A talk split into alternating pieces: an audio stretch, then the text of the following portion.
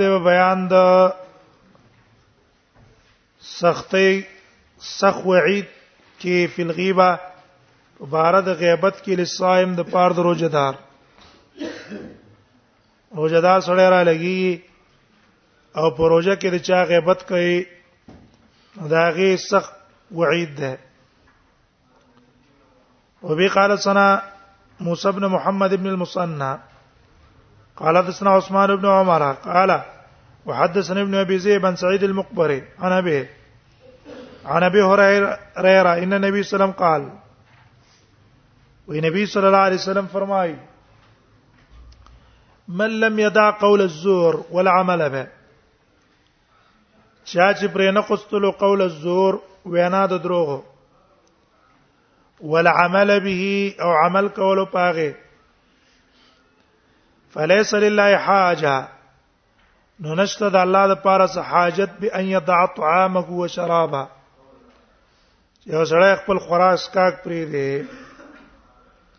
او خراس کاک پری قستو ته الله د هیڅ ضرورت نشته قول زور نه مراد څه ده غیبت ته کنزلی دی بهتان ده دارنګ دی خلی باندې فحش الفاظ استعمالول دي دا ټول په قول زور کې داخل دي والعمل به عمل په قول زور څه دي المعاصي والفواحش ګناهونه کوي یا نور کم فواحش کوي چې دې پرې نه کوسته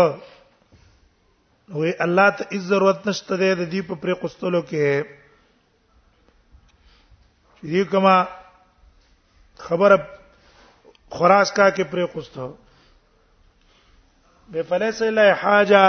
د دې مفهوم معتبر نه ده ځینې الله تعالی زموږ عبادت او ته روزو ته حاجت او ضرورت لري نه اذ موږ عبادت ته د الله سره ضرورت څه دی نه د نورو آیاتونو او حدیثونو معلومه خبره ده دیو جن دې له مفهوم له اعتبار نشته الله دې زر روزه ته ځکه ضرورت نشته چې خوراک او اسکاک په نور اوقاتو کې حلال نه لیکن د روزې د وجنه پتا منه شو او دا غیبت قول الزور او عمل په قول الزور دا همیشه حرام دی په هر اوقاتو کې ترا لګي هغه شی چې نور اوقاتو کې حلال لغه پرې دی او هغه شی کې چې په عام اوقاتو کې حرام نه استاد دی روجي پیدا څه شو دیو جن دې ته الله حاجت نشته اشاره شو دې ته روزه کې بعد فحش الفاظ او دې ټول نه بزان ساته وفي الباب عن انس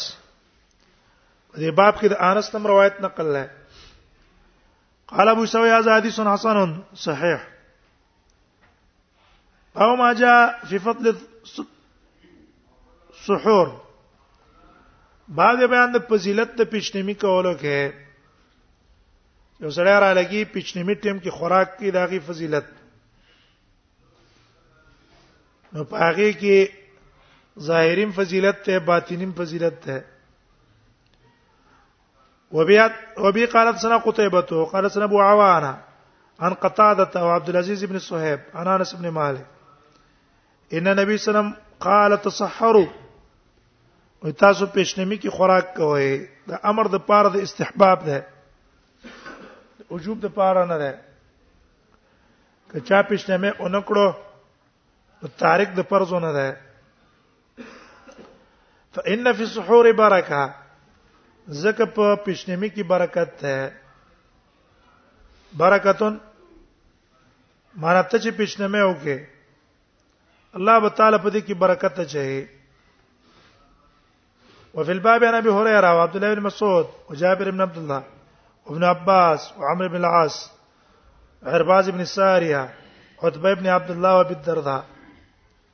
دې ټول روایتونه نقل لي په فضیلت السحور کې او ترغیبات ده کې قال ابو سعيد حديث عن انس حديث حسن صحيح حديث د انس صحیح حدیث ته وروي عن النبي صلى الله عليه وسلم انه قال او د نبی صلی الله علیه وسلم نقل لشي دا وای فصل ما بین صيامنا و صيام اهل الكتاب جدایز منګه دروجو او د اهل کتابو د روزو په منځ کې اکلت السحره سار خوراک ده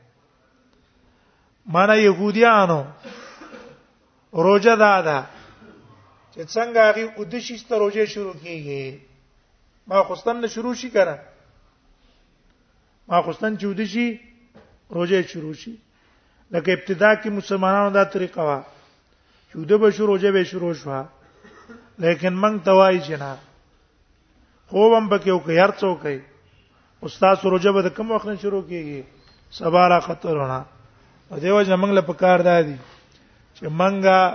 ودشو به پښنمی تر پاتېګو خراس کا کوکو چې ولی د يهود او زمنګ د روزي منځ کې فرق راشي وبي قال سنا حدثنا بذلك ابن قتيبة قال ابو سوي حديث انس حديث صحيح ورويان النبي صلى الله عليه وسلم قال فصل ما بين صيامنا وصيام الكتاب اكله السحر وحديث راوړي عن ابن عباس عن النبي صلى الله عليه وسلم بذلك وهذا حديث حسن صحيح واهل مصر يقولون وصداوي جدا موسى ابن علي ده او موسى ابن علي ده واهل اهل مصر يقولون ومصر مصر والا وی ابن علي موسى ابن علي بفتح العين بفتح العين وكثر اللام واهل العراق او عراق ولا يقولون وي موسى ابن عليا بزم العين وفتح اللام والتشديد الياء عليا اوس امام ترمذی وایي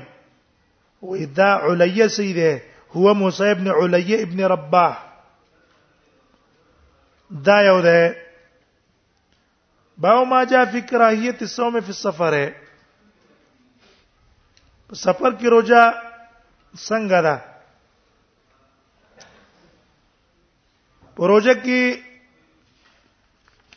سفر کې روزي نیولو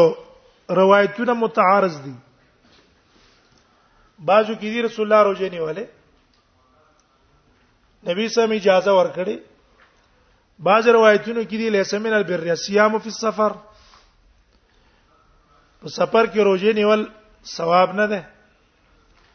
دارنګ بل روایت کې راځي اولائک العصات اولائک العصات دا نه پرمانه دي چې چارو جنې ولې په سفر کې تعارض د روایتو د وجنه د علما اقوال مختلف دي یو قول خود بعضی له ظواهر ده او د داوود هم ده هغه په سفر کې روزه نیول ټیک نه دی که چا اوم نیول ادا کیږي نه بلکې دا غي قضا براوړي ځکه قران کې دی فمن كان منكم مريضا او على سفر فعده من ايام اخر شمار وکي درست ورځونه نو که چا نیولم دا دا روزه اونښوا به ته واپس د دې قضا راوړي دویم قول جمهور علما ده جمهور علما چې سفر کې چا روزه اونې ولا روزه ادا شوه او دا کم آیات چې د فعدتون د کی تقدیر ده فمن کان منکم مریضا ولا سفر فافطر فعدتون څوک تاسو نه مسافری یا بیمار دی او روزه ما تکړه فعدت من ایام اخر دا بشمار کې د نور ورځونه نور ورځونه بچ کی شمار بکې دا پاغه باندې محمول ده پاغه فعدت من ایام اخر بیا د دې جمهور خپل منځ کې اختلاف افضلیت کې په دې خو اتفاق ده چې په روزه کې او روزه نیولو سفر کې او ته روزه نیول تکلیف وو خوړل جایز دي لیکن اختلاف په بهتروالي کې ده یو قول لا ده چې د لا روزه مطلقاً نیول بهتر دی که تکلیف وتی په نیولو کې او که تکلیف وته نه روزه نیول لا بهتر دی روزه دی ونیسی دویم قول دی علی العکس چې نه روزه پر خستلو لا بهتر دی ليس من البر الصيام في السفر نیکی سفر کې روزه نه ده دا نیکی نه ده چې ته په سفر کې روزه ونی سي هم قول لا ده دریم قول د علماو دا ده چې د تسولت طبقه تل کېږي روزه نیول کې ته سانتیا او روزه نیول به تر دي سره د پر خړلونه جواز د خړلونه خړول جایز روزه ول نیول به تر او که چرتا پروژه نه نیول کیو ته تکلیف وو بیا کوم ولا بهتر ده چې دیرا اولګيږي روزه اخري روزه به اخري نیولو کې ولا بهتر نه ده ک نیولو کې تکلیف وو او دا روایتونو منځ کې تطبیق ده چاته چې نبی سم امر کړی تکلیف پکې نه او اولایک العصات ویره دا خاص کسان ته مراد دي او ليس من البر نم خاص کسان مراد دي او دا قول راجح ده چې مشقت طبقه تل کی دته چې کم عمل کې اسانتیا وا اقول عمل کول بهتر ده باب ما جاء في كراهيه الصوم في السفر بعد بیان د کراهیت د روزي نیولو په سفر کې وبي قال حدثنا قتيبة قال سر عبد العزيز بن محمد بن جعفر ابن محمد عن ابي جابر بن عبد الله ان رسول الله صلى الله عليه وسلم خرج الى مكه عام الفتح نبی سم په کال د فتح کې روزي نیولې فصام رجینی ولا تبلغ قرع الغمیم تر دې چې نبی صلی الله علیه وسلم ورسېد قرع الغمیم ته وسام الناس معه خلقم سره جونی ولا نګورس روجینی ول جاي شو کنه فقیل او تو ویل شو ان الناس قد شق عليهم الصيام خلق باندې روجي ګران شوي وان الناس ينظرون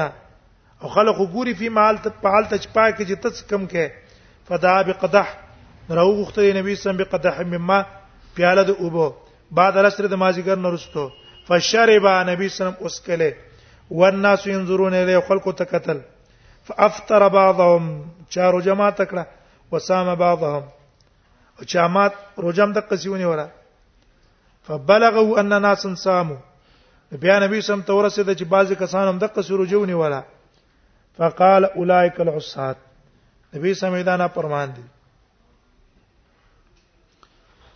ولو تعصات ویل امام ترمذی دی تاویل کوي دیو کسانو ته پروژه کې تکلیف وو نو ځکه نبی سم ته عصات ویل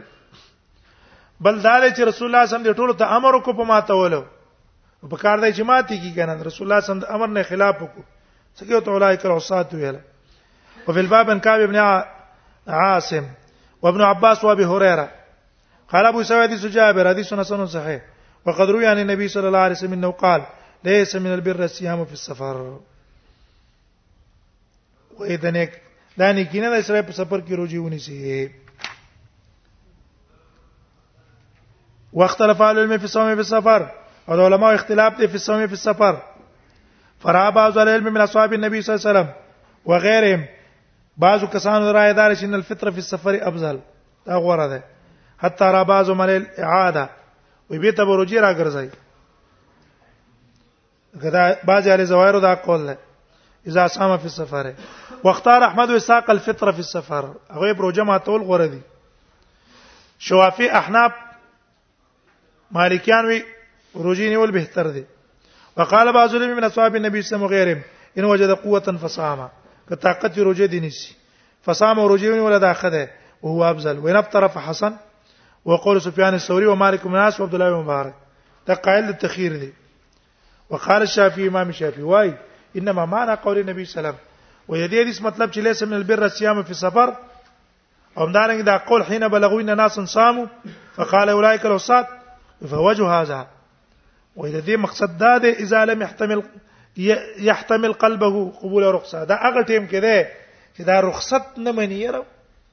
اذا رجا ما تول ما تخنختاري دا به مجرم نه